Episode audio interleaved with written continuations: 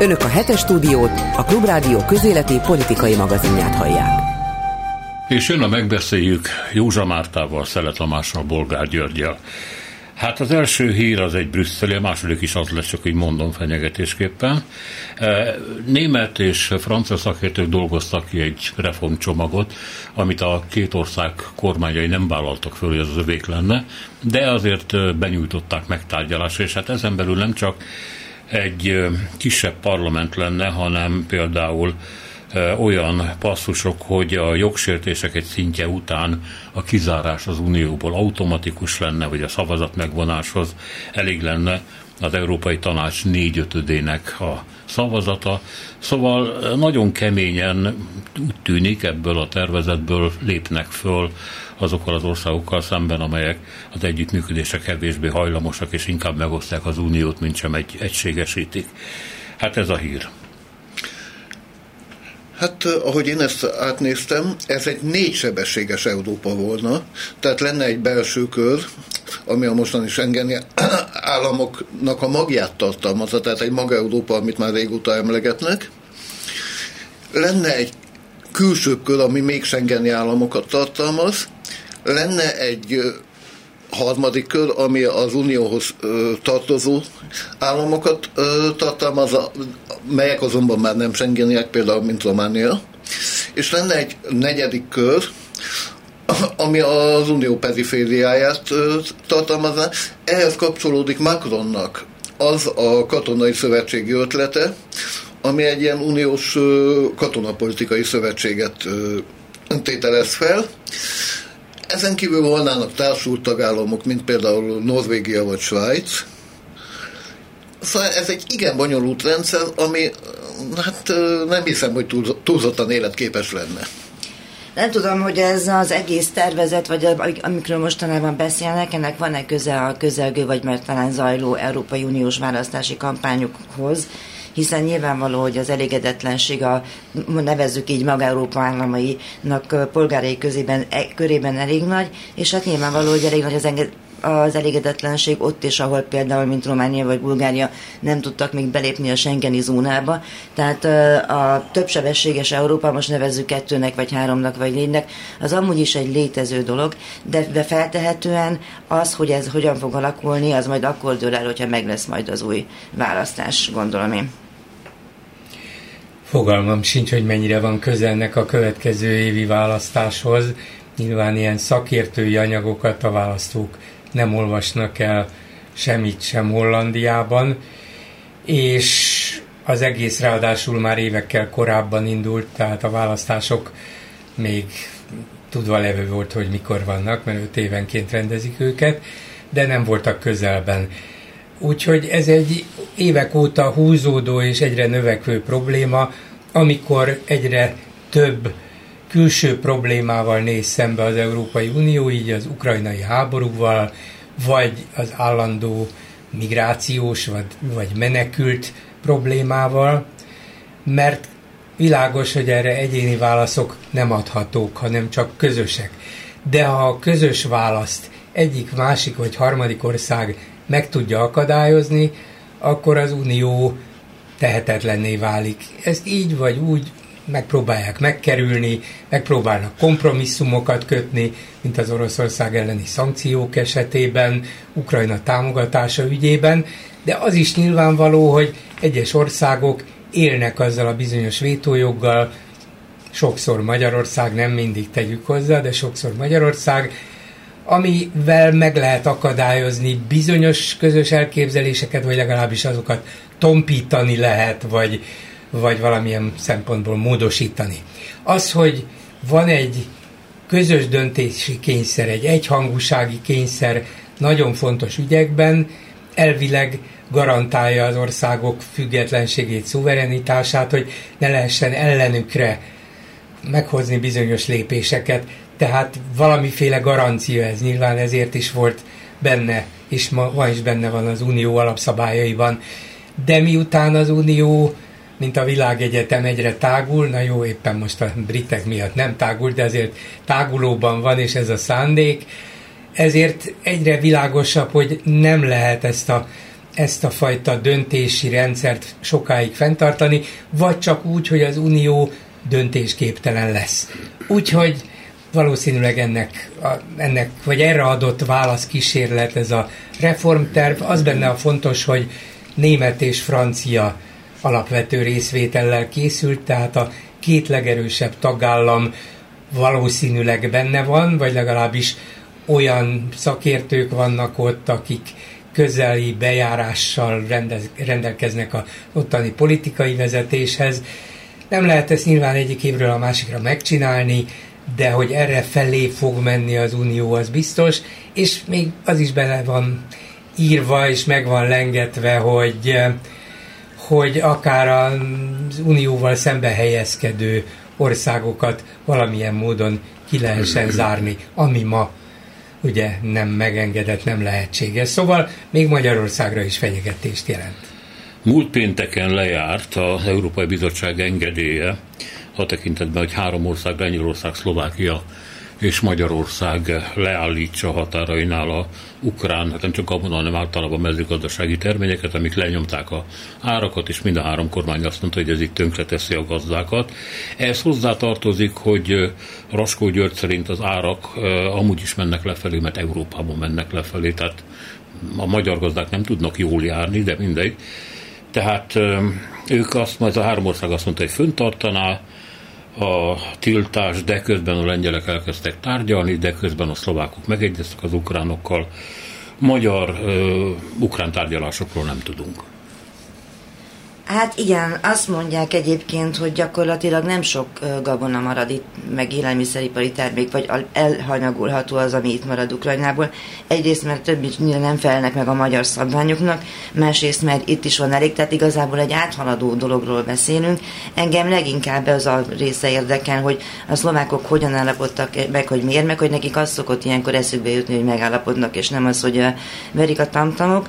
Az egy külön és szerintem drámai fejlemény, hogy a lengyelek és az ukránok most elkezdtek ezen a dolgon veszekedni, és a kölcsönös zsarolás van, hiszen az ukrajnai háború szempontjából azért az ukrán-lengyel barátság, meg együttműködés, ugye a lengyelek azzal fenyegetik az ukránokat, hogy nem adnak nekik a fegyverekből, mint a lengyel gyártású fegyverekből, tehát ez a gabona, mint természetesen az élelmiszer és fegyver, tehát megint csak túlmutat saját magán, és alapvetően nem csak a magyarországi kormánynak az emberkedéséről szól ez, hanem arról is, hogy a háború kimenetele szempontjából legalábbis fontos volna valami fajta, hát egyességet kötni.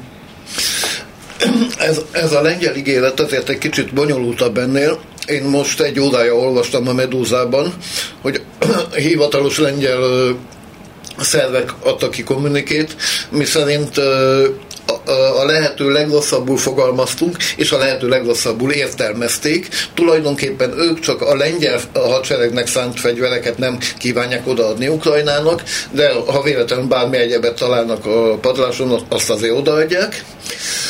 Az egészen biztos, hogy ez a teljes gabona kérdés túlmutat magán a háborún, és egy háború utáni gazdasági berendezkedést kéne kialakítani. Annak ellenére, hogy még egyelőre nem nagyon lehet megjósolni, hogy ennek a háborúnak milyen végkimenete lesz. Ebben arra gondolsz, hogy a háborún túlmutató végkövetkeztetés, hogy amennyiben háborúnak vége van, Ukrajna belép az Unióba, akkor egy, igen. megint csak egy hatalmas és olcsó élelmiszer készlettel jelentkezik, igen. és ez igen. Gyuri? A lengyel bejelentés valóban drámaian hangzott, és azóta persze finomították maguk a lengyelek is, meg az elemzők, meg a helyzetet és Európát ismerők azért arra is fölhívták a figyelmet, hogy néhány hét múlva választások lesznek Lengyelországban, és az uralkodó párt, az Orbánnal szövetséges PISZ nyilván meg akarja mutatni, hogy bármennyire segítjük is Ukrajnát, de azért a lengyel nemzeti érdek mindennél fontosabb, hajlandók vagyunk akár az ukránoknak is nemet mondani. Ez valószínűleg egy olyan téma, amivel sok embert meg lehet fogni, talán elsősorban azokat a vidéki szavazókat, akik vagy így, vagy úgy kötődnek a mezőgazdasághoz. Tudjuk, hogy Lengyelországban viszonylag sok kistermelő van, és, és az ottani mezőgazdaság az talán nem alakult át úgy, mint, mint mondjuk Magyarországon, ahol nagyon sok nagy gazdaság jött létre. Lengyelországban igyekeztek hagyományosabb módszereket és tulajdonviszonyokat fenntartani, tehát van egy jelentős szavazóréteg, ez a szavazóréteg nem feltétlenül támogatja a PISzt, volt is, van is egy, egy ilyen parasztpárt, most nem tudom, hogy így hívják-e, a lényeg, hogy parasztpárt, amelyiknek a, a támogatottsága majd meglátjuk, hogy átviszi a küszöböt vagy sem, de nem mindegy valószínűleg a jog és igazságosság pártjának, hogy a parasztpártra szavazók kireadják a voksukat. Ha ők vagy bennük látják azt az erőt, amelyik képes megvédeni a lengyel mezőgazdasági termelők érdekeit, hát akkor hozzájuk mennek a szavazatok. Úgyhogy szerintem elsősorban ebből a szemszögből kell nézni a dolgot, már csak azért is, mert nem Lengyelország Ukrajna fő hadiszállítója és ellátója, Lengyelország csak a földrajzi helyzetéből és a politikai alapállásából következően a fő útvonala az Ukrajnában menő nyugati fegyvereknek, és ezt nem éri semmiféle akadály, nem, fognak, nem fogják megakadályozni, hogy az amerikai, vagy német, vagy svéd fegyverek eljussanak Ukrajnába. Úgyhogy a dolognak ez a része talán mégsem olyan drámai, mint ami ennek látszik. De van egy, valóban ennek is egy hosszabb távú hatása. Egyrészt az, hogy megmutatja, hogy az az Ukrajna mögött felsorakozott európai egység talán nem tartható fenn örökké, vagy legalábbis sok helyen repedezni fog. Hol ezért, hol azért, kinek ez az érdeke, kinek az, és látható sajnos, hogy ez az ukrajnai ellentámadás, ami júniusban indult, és most már lassan szeptember vége lesz, nem érte el a kívánt eredményt. Nem értek hozzá, vannak katonai vélemények, amelyek szerint még nem kell ezt eltemetni, de az biztos, hogy egy átütős siker nem következett be, ezért aztán sok mindent újra kell gondolni, újra kell tervezni, főleg akkor, hogyha az Ukrajnát támogató országok közül is sokan úgy gondolják, hogy hát ez így mégsem azt az eredményt hozta meg, amit vártunk tőle. Ez nem azt jelenti, hogy Magyarországnak, illetve a magyar kormánynak lesz igaz, hogy békét, de azonnal, mert emberek halnak meg, ezt a tényleg álságos, álszent dumát, amit folyton nyomnak, ez biztos, hogy nem így működik, de valamit másképp kell csinálnia a nyugatnak.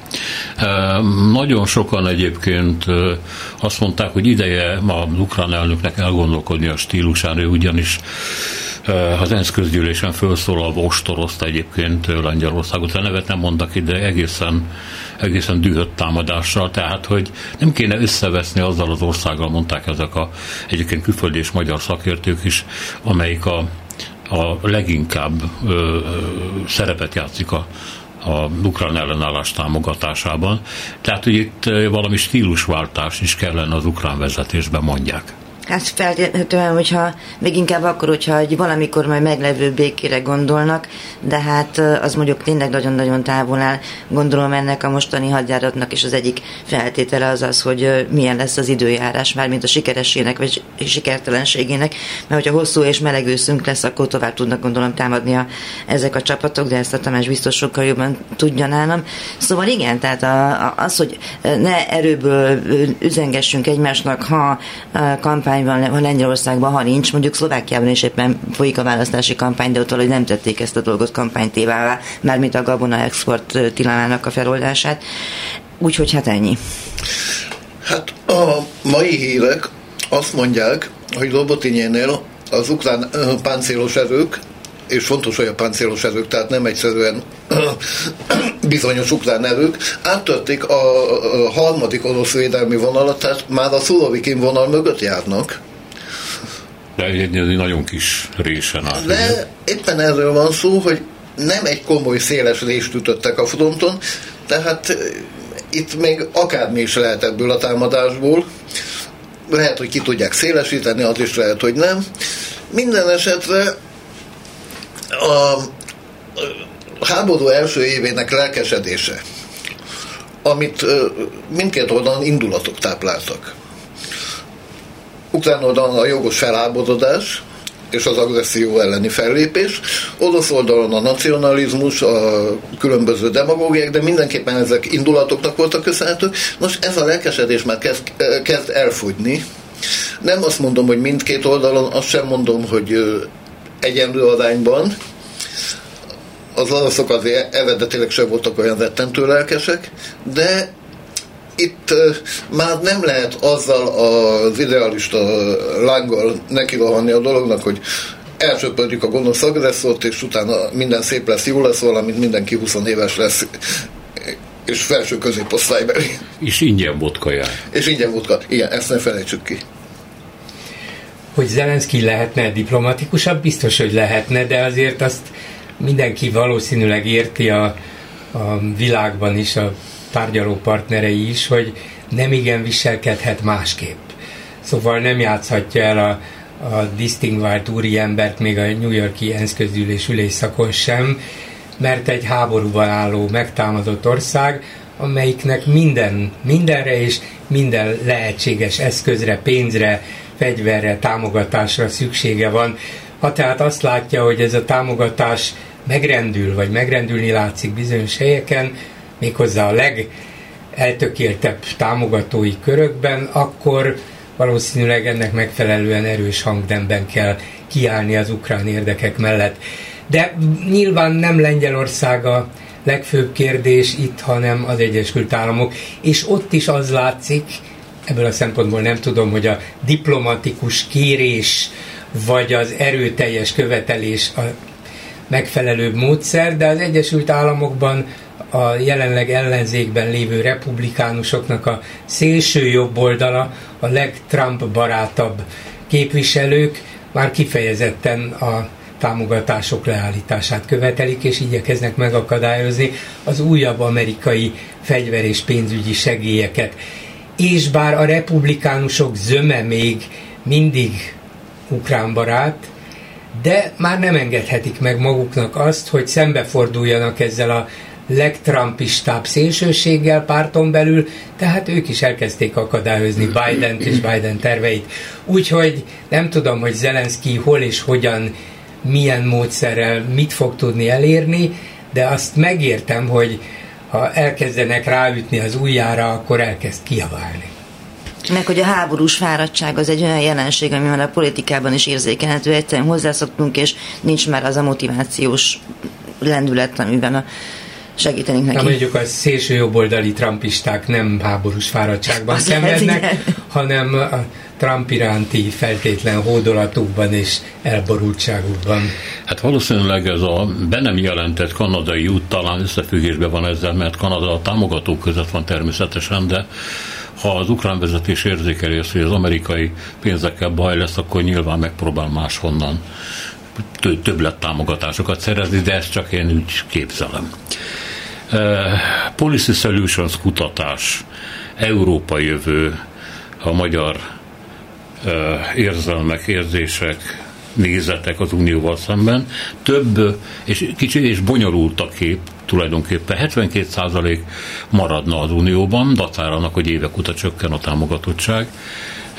60% mondja azt, hogy teljesíteni kéne Brüsszel elvárásait, hogy jöjjön a pénz. De 60% mondja azt, hogy az Unió rossz irányba tart, és hát ennek persze, hogy mi az oka, az nem részletezik. Minden esetre az euró támogatottsága kétharmados, itt a forint mélyrepülése idején, és hát megjegyzi a Policy Solutions kutató gárdája, hogy a unió támogatottsága még a mi hazánknál is magasabb, mint a koalíciós pártoknál, két kal tehát hiba határon belül van. És hát nagy a tudatlanság, és 36% hiszi azt, hogy Magyarország nettó befizető. Ez egy nagyon gyakori babona, nagyon gyakori tévhit, nagyon elterjedt. Nem, nem vagyunk azok egyáltalán nem. Nettó haszonélvezők vagyunk egyelőre, és még egy jó darabig így is lesz az, hogy... Sőt, nem kicsit, nagyon. nagyon. És minél rosszabb a helyzet, annál tovább. Az, hogy a különböző propagandaeszközök milyen hatást gyakorolnak a nagy közönségre, tagadhatatlan, hogy hatást gyakorolnak, az nagy mértékben függ attól, hogy milyen radikális stílus elemeket vetnek be, tehát adott esetben a kormány propagandája, ami azonosítja az Európai Uniót az LMBTQ elfogadásával, például valóban okoz komoly propagandisztikus károkat olyan vidékeken, ahol általánosan ennek az elítélése. És, és hasonlóképpen az anyagi ö, dolgokkal is ugyanígy állunk. Mondjuk az a 60 százalék, aki azt gondolja, hogy teljesíteni kell az Európai Unió elvárásait, azt én azért nagyon-nagyon kevésnek tartom. Tehát, hogy majdnem a fele azt gondolja, hogy benne vagyunk egy klubban, amelynek nem tartjuk be a szabályait. Jó, tudom, hogy ez egy sokkal bonyolultabb történet ennél, de mégiscsak azt várná az ember, hogy, hogy valamit valamiért megtegyünk. Úgyhogy ez szerintem nagyon rossz, és az a nagyon rossz még, hogy azért lassan-lassan, de csúszik lefele, főként a kormánypártok híveinek a körében, és mondjuk valószínűleg a szélső jobboldali pártok köré, híveinek a körében is azoknak az aránya, akik szeretnék az uniós bennmaradást. Igaz, hogy az valóságos csoda, hogy a brüsszelezős plakátok, meg a mindenféle, meg a brüsszelezés maga ellenére még ilyen arányokat tudunk produkálni. Ezek szerint az emberek mégiscsak járnak külföldön, érzik a dolgokat, és talán még valamennyire tájékozódnak is, de, de az, hogy ez lassan megy lefele, ez azt is jelentheti, hogy, hogy azért dolgoznak rajta, és minden eszközük megvan, hogyha ezen akarnak dolgozni, már mint a hatalomnak, hogy lenne vigyék, és az meg már, ha eléri az ilyen 50% körülit, az már nagyon billegős történet, és akkor ugye a Brexitet se jósolt, nem meg senki, hogy meg fogják szavazni, azt hello. Éppen ezért én nagyon fontosnak, megszívlelendőnek, végiggondolandónak tartom azt, amit Orbán zárt körben, Esztergomban a Fidesz KDNP frakcióülésen mondott, nem ismerjük a pontos szöveget, csak a majdnem pontosat, mert ezt a magyar nemzetnek szivárogtatták ki, a miniszterelnöki honlapon nincs rajta, de ott még idézőjeles, idézőjelbe tett mondatok is vannak, tehát pontos idézetek is. Úgyhogy senki nem cáfolta azóta sem. És a lényege ennek a beszédnek az volt, hogy totális harcot indítunk Európa az Egyesült Államok jelenlegi kormánya és a soros birodalom ellen. De tényleg a szó legszorosabb értelmében Orbán nem csak politikai jelszavakat hangoztatott, hanem végigvette, hogy ezek az erők, ezek a birodalmak, ezek, a, ezek az országok, ezek az egységek, ezek mind a mi vesztünket akarják, a mi függetlenségünk és szuverenitásunk ellen esküdtek össze, tehát nekünk egy szabadságharcot kell folytatni, bár mi vagyunk Európa legszabadabb országa tette hozzá, nyilván hatalmas sikert aratva, mert hallani is vélem azt a tapsviart, ami kitört. Szóval a lényeg az, hogy politikai, gazdasági, kulturális értelemben akarják a szuverenitásunkat elvenni tőlünk, és ezt nem hagyhatjuk, nem hagyjuk. Annyira nem hagyjuk, most nem érdemes talán részletekbe menni abból a szempontból, hogy milyen módon és milyen módszerekkel, milyen témákban akadályozzák a mi függetlenségünket. Például olyanokat állított, hogy, hogy meg akarják határozni, hogy kitől vegyünk energiahordozókat és milyen áron. Hát nyilván igen, Mondta valaki, hogy ne vegyünk az oroszoktól? Ne, ne vegyünk drágábban, mint amennyire megkapjuk egyébként Európában? Nem, nem mondták, hát ha hülyék vagytok, vegyetek. De a lényeg az, hogy nem ez a igazán, ez csak a politikai része, bár elég alapos, mert nyilván a Fidesz és a médiája a következő napokban, hetekben, hónapokban, egész a jövő júniusi európai választásig erre a totális háborúra fogja felkészíteni a közvéleményt, a híveit, és azt fogja mondani, hogy itt az idő most vagy soha. Hogy aztán szabadulni akar-e az Európai Unióból vagy sem, azt nem tudom, talán még nem.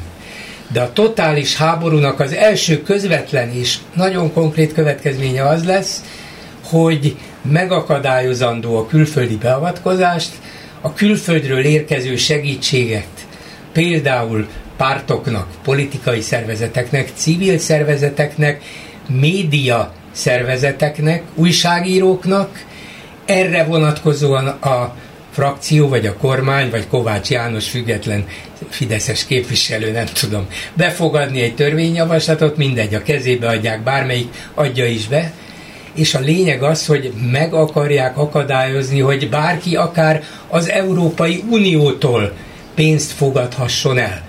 Márpedig tudjuk, hogy számos független médium, szerkesztőség pályázik, pályázhat, miért ne pályázhatna uniós támogatásra, uniós pénzekre. Ugyanez a helyzet a különböző jogvédő szervezetekkel uniós pénzekre pályáznak, és kapnak is. Nem Sorostól kapják elsőrendűen a támogatást, hanem az Európai Uniótól, annak különböző szervezeteitől.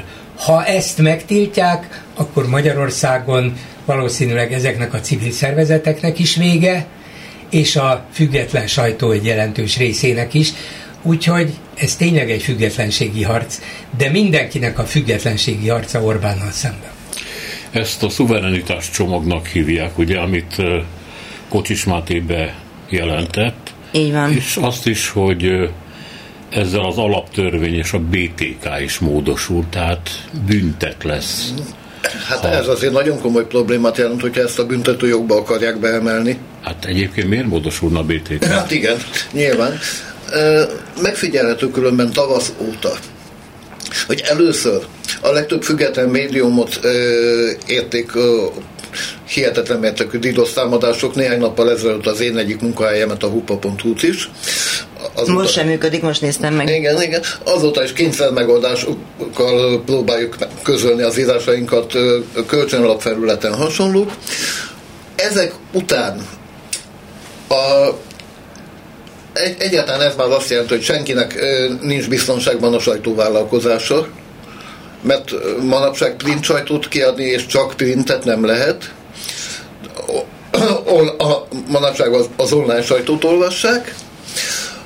Ezek után következett a Megafon rejtelmes támogatása hihetetlen összegekkel, amiknek még csak nem is sejtjük a nyomát. Érted? Persze, hogy sejtjük, csak nem tudjuk bizonyítani, úgyhogy inkább nem emlegetjük. Viszont Kocsis Máté elégedetten közölte, hogy egy biztos, hogy a Megafon külföldről nem kapott pénzt. Persze, tőlük kapta. Hát persze, től, ha, ha valaki tudja, Kocsis Máté tudja. Na, és ezek után ütött be a szuverenitási törvény belengetése, ami valóban arra utal, hogy jövő tavaszig a teljes magyar sajtópiacot ö, le akarják tadolni, felszántani, bevetni sóval. Csak az maradhat meg, ami az övék. Én igazán örülök, hogy ennyire félnek tőlünk.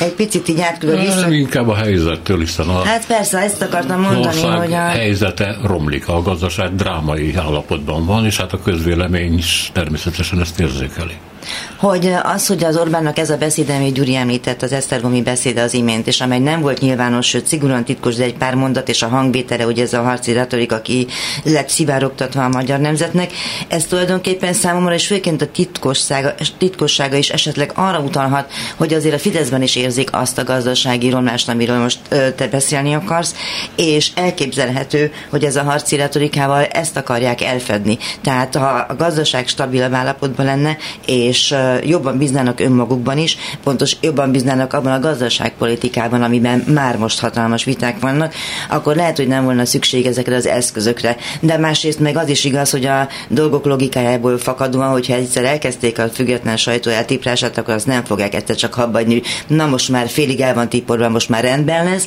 hanem akkor téve, tényleg sóval fogják behinteni. Ha már a megafont említettétek, itt 8 milliárd forintról van szó, ugye ami az elmúlt években a megafonhoz jutott, a forrás nem ismeretes, hát nyilván többszörös áttéttel jött, de itt van még a CÖF, amely más, egyébként átlátható pénzek mellett, tehát mondjuk a szerencsejátéktól érkező pénzek mellett, itt sem világos két milliárd forintnak a forrásvidéke.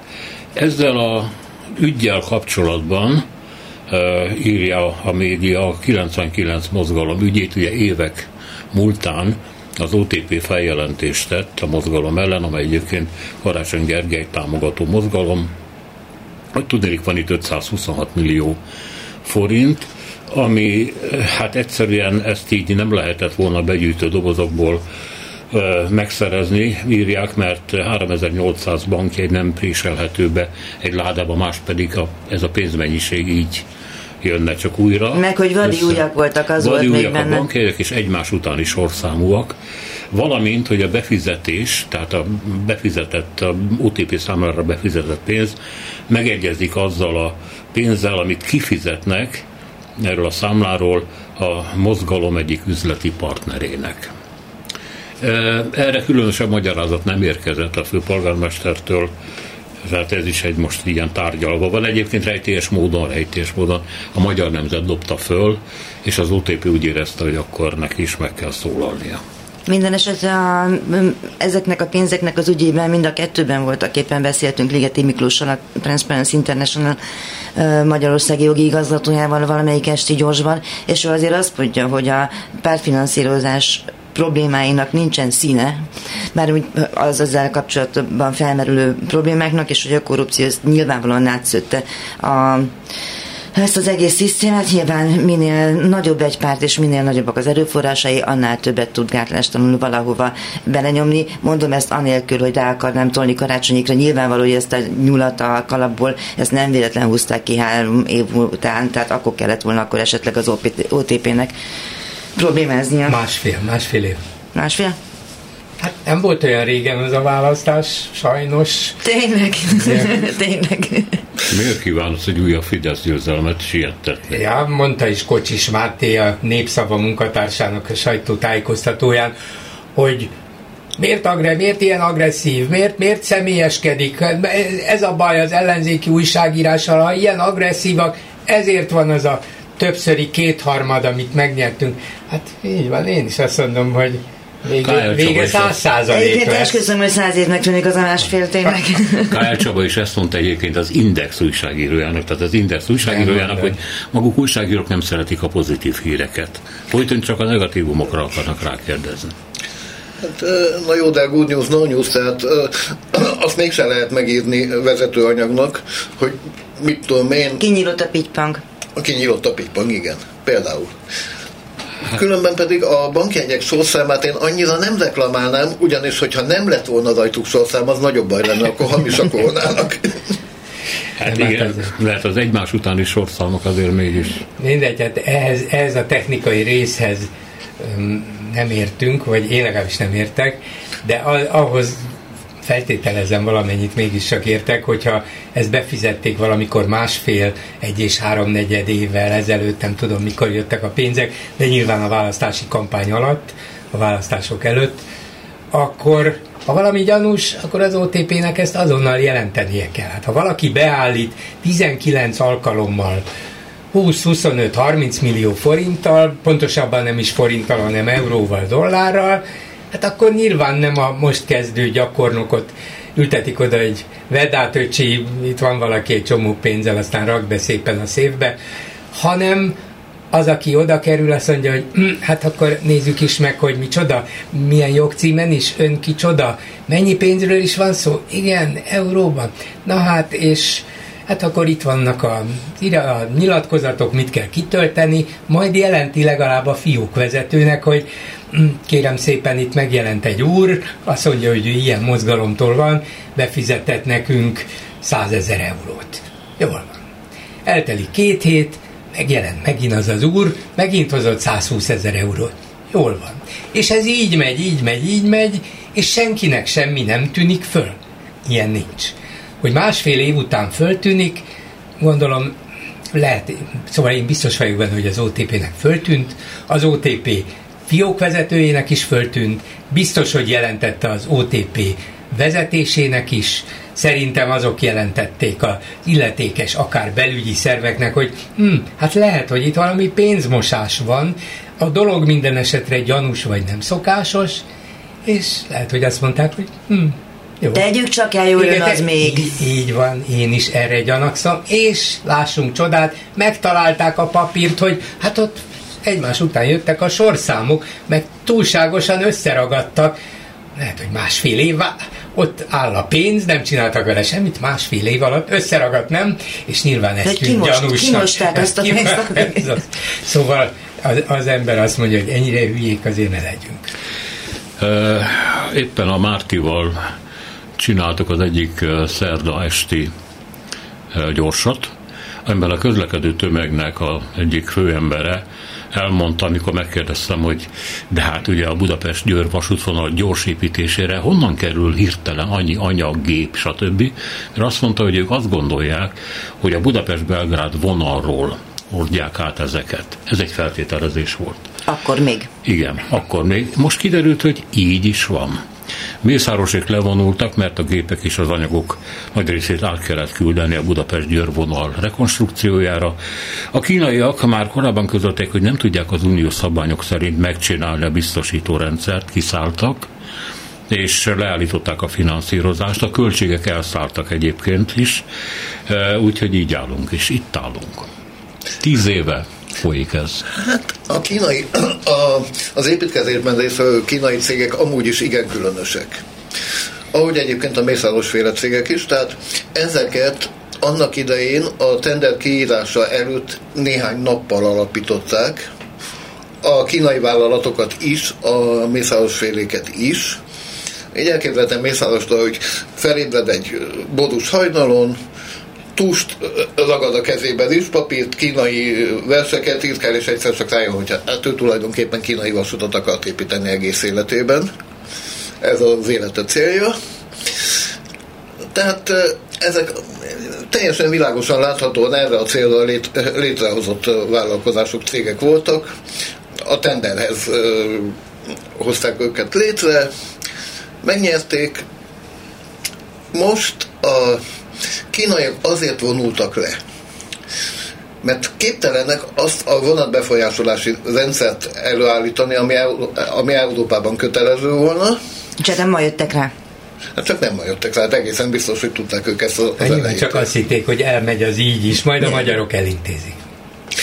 Így van, a Mészáros féle géppark pedig hát tudni kell, hogy Mészárosnak nagyon sok unikális vasútépítőgépe van, amiből egy vagy kettő van az egész országban, és amik adott célfeladatokra alkalmasak.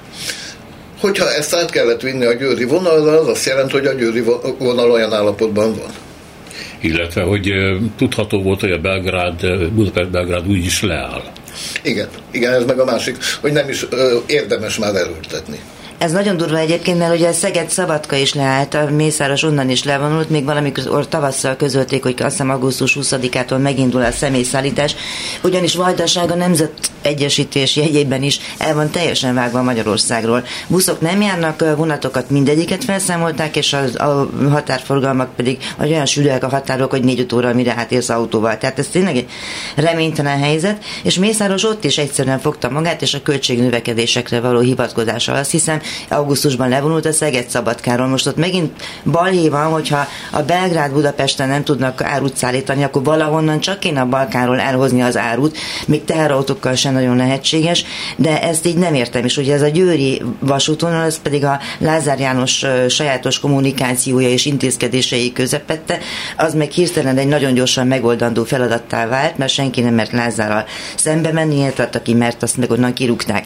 De egész egyszerűen ez csak azt jelenti, hogy teljesen rendezetlen az ország infrastruktúrájának, és különösen a közösségi közlekedésnek a, a kezelése, a pénteki műsoromban egyébként egy csomó ilyen vidéki példát hoztam, hogy Lázár János elmegy a Makói Rádióba és bejelenti, hogy megépítik a négy sávos utat Debrecen és Szeged között.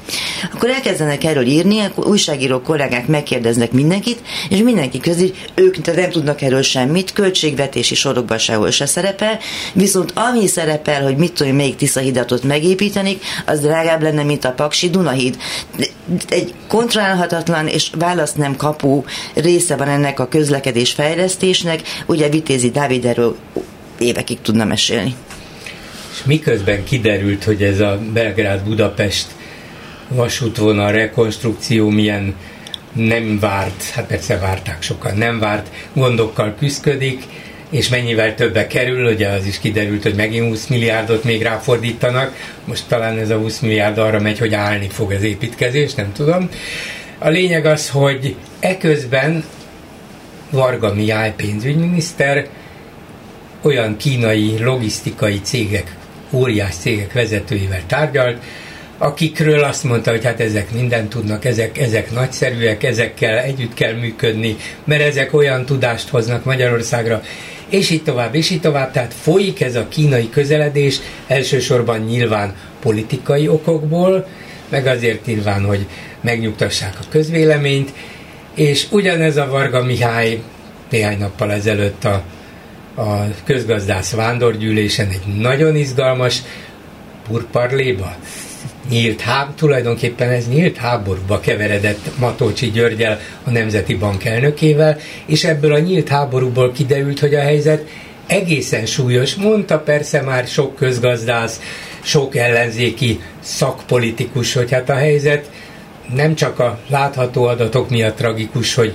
hogy az első fél évben átlag 23 volt az infláció, Persze ez mindenkinek feltűnt, ezt még az átlagember is tudta, hogy ez háromszoros az Európai Uniónak, Unióénak, de olyan súlyos helyzet volt, hogy tavaly ősszel már kifejezett fizetési csőt fenyegetett, ezt végül is Varga ismert el. Matolcsi annyira beolvasott a kormánynak, mint talán még soha, hogy itt egy, egy gazdasági tömegszerencsétlenség történt, hogy változatlanul a világ négy-öt leg érzékenyebb, pénzügyileg legérzékenyebb és legjobban kitett országok között vagyunk, és hogyha ezt a, ezt a politikát folytatja a kormány, és 2030-ra erőltetett GDP növekedést akar elérni, akkor ez csak egy újabb inflációs katasztrófához fog vezetni. Úgyhogy Matolcsi ehelyről megüzente, hogy stop, elég volt. Közé hozzátettem még, hogy hát az árstop politikája az is mire volt jó? 3-4 százalékkal emelte az árakat, nem csökkentette, emelte. Erre aztán Varga visszaválaszolt, hogy kikövette el a nagyobb hibát, mert ez igazán a Nemzeti Bank dolga lett volna, mi megtettük a magunkét, szóval ilyen nyílt összecsapást a Nemzeti Bank és a pénzügyminisztérium között szerintem ez az ország még nem látott. Nem, hogy az Orbán rendszer, de az ország nem látott, és ez azt mutatja, hogy a helyzet tényleg válságos. Nem omlik össze az ország, meg a gazdaság, de hogy a helyzet válságos, az hétszentség. Nő az éberség, viszont szerencsére. Ugye nemrég egy fideszes képviselő talált egy LMBTQ, ahogy ő mondta, propagandával szennyezett kiadványt, és erről bejelentést tett. Jött egy másik bejelentés egy másik helyről. 18. kerületben egy fideszes képviselő azt követeli, hogy a művelődési házból távolítsák el dr. Máriás egy képét, mert az sérti a vallási és erkölcsi érzés, érzéseket, ennek a műnek, ennek a műnek a, ne, bocsánat, tehát a címe, címe, címe olvas. Mindjárt, mindjárt, mindjárt. Schmidt Szűz Mária és Kisded Ungár Péter a NER templomában. Ez, ezt a művet kell el, eltávolítani. Hát nehéz idők járnak a 18. kerületi Fideszes képviselőkre, az már biztos is. Ugye a két farkóak veszegetési leleplezése is arra felé volt. Hát azért ekkor, ekkora botrányt egy, egy festményből nem igazán érdemes csinálni, és én nem tudom, de Dr. Máriás képeit korábban félreértésből kifejezetten nerkedvelők és nerrajongók is vásárolták. A miniszterelnök felesége több Dr. Máriás képet vett meg, amin a férje szerepelt. Hát igen, mondjuk felvásárolta a piacról. Ez a kép egyébként, amit most így kifogásolnak, én nagyon régóta ismerem a Facebookon, és csak azt nem akarta látni, aki, aki nem akarta, akár a képviselő úr gyerekei is, mert mind a két képviselő, az EP képviselő, meg ez a 18. kerületi is arra hivatkozott, hogy a szegény gyerekükkel mi történik. Ez tényleg nem tudom, hogy ezt az abszurdot, ugye ez is abba a kategóriába tartozik, hogy nem tudnám idegen nyelven elmondani, hogy mi történik itt. Egész egyszerűen nem lehet elmagyarázni azt, ugye leírni, mint egy narratívát. Ő fogja magát a pasas, elmegy ez a klotyóra, aztán becsekkol, és utána elkezdi nézegetni, mi van befóliázva, és mi nincs befóliázva a repülőtéren. Ugyanez a doktor Máriás festményeivel hány és hány fajta ö, ö, kiállítás van mindenütt, feltehetően gondolom, hogy a képzőművészeti műveltsége azért csak nem olyan tágas, hogy ne volna valami ilyesmit, de hát az biztos, hogy a Tamásnak igaza van abban, hogy valamivel el kellett terelni a figyelmet arról, hogy egyébként a kétfarkú kutyapártot meg akar akarták vásárolni, nem is olyan nagy pénzért egyébként, azt hiszem 5 millió forintért, amiről tudjuk, sejtjük, csak ugye a kutyáiknak volt annyi eszük, mert mi hogy tudjuk és sejtjük, hogy ez lehet gyakorlat, azt is tudjuk és sejtjük, hogy nagyon sokan éltek is ezen a módszere, de hogy ezeknek volt annyi eszük, hogy betegyenek egy magnót a zsebükbe, illetve másnak nem volt ennyi esze, az mindenképpen figyelemre méltó történet. Nem tudom, hogy ennek milyen következményei lesznek, vagy lehetnek úgy egyébként, mert nyilván nem szoktak következményei lenni, de ez mégis egy bűnügy, én azt gondolom. Hát van következménye, Betiltják a Máriás kiállítását. Nem, oda sokkal többen mennek el ezek után. De nézzük meg ezeket a blaszfémikus képeket. De van következménye, hát ez a Lévai nevű önkormányzati képviselő, a Fidesznek az egyébként választókerületi elnöke volt, bejelentette, hogy kilép a Fideszből. Hát ez, és ez egy nagyon komoly lépés, hát Kocsis Máté frakcióvezető ugyancsak a sajtótájékoztatóján amikor kikért magának minden kérdést, azt mondta, hogy ez egy férfias tett volt. Igen. Az, hogy kilépett a Fideszből, valószínűleg kapott egy telefont, hogy kifelé, ő pedig férfiasan, ahelyett, hogy nemet mondott volna, én végül is csak a Fidesznek akartam jót, én a Fidesznek szerettem volna megszerezni a polgármesterséget, igen, mert én menjek, de hát ő nem férfiasan távozott, de az önkormányzati képviselőségről eddig tudomásom szerint férfiasan nem mondott le. Úgyhogy lehet, hogy ellenzéki lesz belőle. lehet, lehet, hogy átáll a kutyapártba. Ő lesz a kutyapárt helyi képviselő. Na, és akkor talán hozzámegy az 5 millió, nem? Mehetünk itt az utolsó hír, ez teljesen más természetű. 12. Eh, Pius pápával kapcsolatos előkerültek új levelezések. Ugye korábban a, nagyon sok vita volt 12. Piusszal kapcsolatban, hogy mennyire volt ő zsidómentő, vagy mennyire fordította el a tekintetét attól, hogy zsidókat és másokat gázosítottak el táborokban. Szóval az új levelezésből kiderül, hogy német jezsuiták őt figyelmeztették a háború alatt, hogy mi történik, tehát gyakorlatilag pontos ismeretekkel rendelkezett. A legújabb értékelések szerint mind a kettő jellemző volt rá a tekintetének az elfordítása is, meg a segítség is talán az előző most már nagyobb mértékben, minden esetre a boldog elvatása elakadt. Ennek azért van jelentősége ennek a levélnek, ami most előkerült, és valószínűleg még sok lesz is ilyen, mert ezt a történetet már, mint hogy ő azért nem lépett fel soha rendesen és bátran a náci rendszer ellen. Hogy például soha nem mondta ki a szájánval azt, hogy zsidó ezt a szót, hanem amikor Hortinak is egy kicsit azért mondta, hogy nem kéne azért ennyi ember deportálni, nem nevezte meg, hogy ez egy genocidium, hanem azt mondta, hogy hát a szegény szerencsétlen emberekre jobban kéne vigyázni, egy valami ehhez hasonló maraságot. De ennek nagy szakirodalma van de nem volt még egyetlen konkrét bizonyíték sem. Tehát ez az összefüggésekből, diplomáciai jegyzőkönyvekből ki tudták deríteni, de ez egy konkrét papír. És ez azért érdekes még, csak egy mondat, hogy, hogy Ferenc pápa tette az lehetővé, hogy kutassák ezt a levéltárat, ami igazán szép Igen. dolog.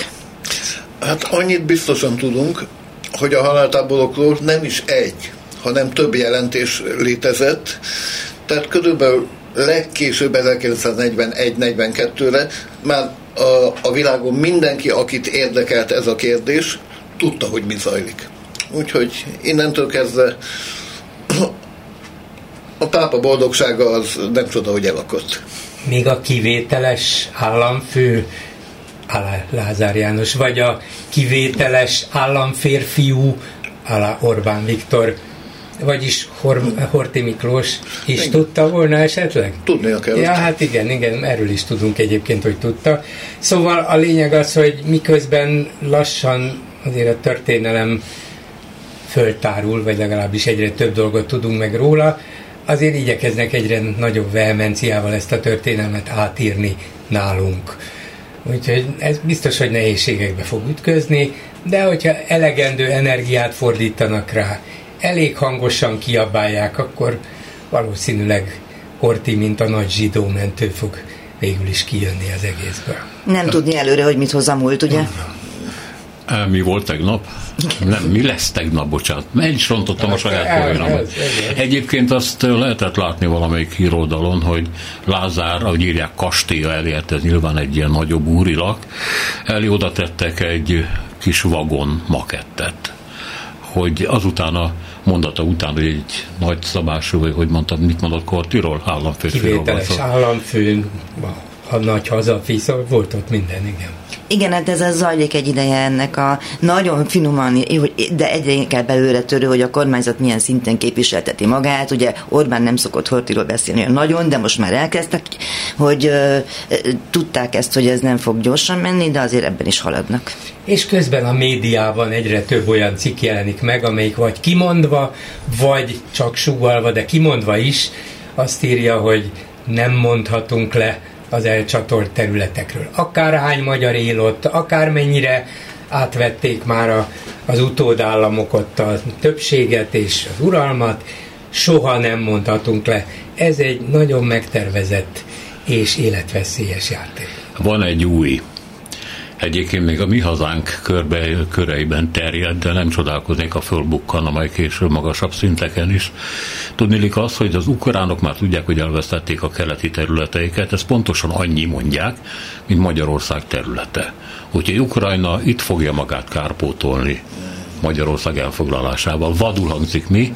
Na, a Börzsönyi aranybánya... Tegnap még, hogy vadul hangzik, és nem lesz belőle semmi. És a Börzsönyi aranybánya bevételéből visszavásárolt Kárpátalja, mert ilyen nem, ö, lázámok is vannak. Hát ez a ez az ukrán elmélet, ez már ismerős nekünk nagyon hosszú ideje. Tavaly márciusban kezdték el terjeszteni. Ez is az eszőjel egyik hazugsággyárában készült, ugyanúgy, mint az, hogy Lengyelország fel fogja osztani Ukrajnát, és a hasonló bolondgombák. És a Donkanyart a Dunakanyarra cseréljük. Igen. Kanyar, kanyar. Hát ezekkel a szép kilátásokkal köszönöm meg valamennyiőtöknek, hogy itt voltatok. Szele Tamásnak, Józsa Mártának, Bolgár Györgynek. A hetes stúdiót a Klubrádió közéleti politikai magazinját hallották.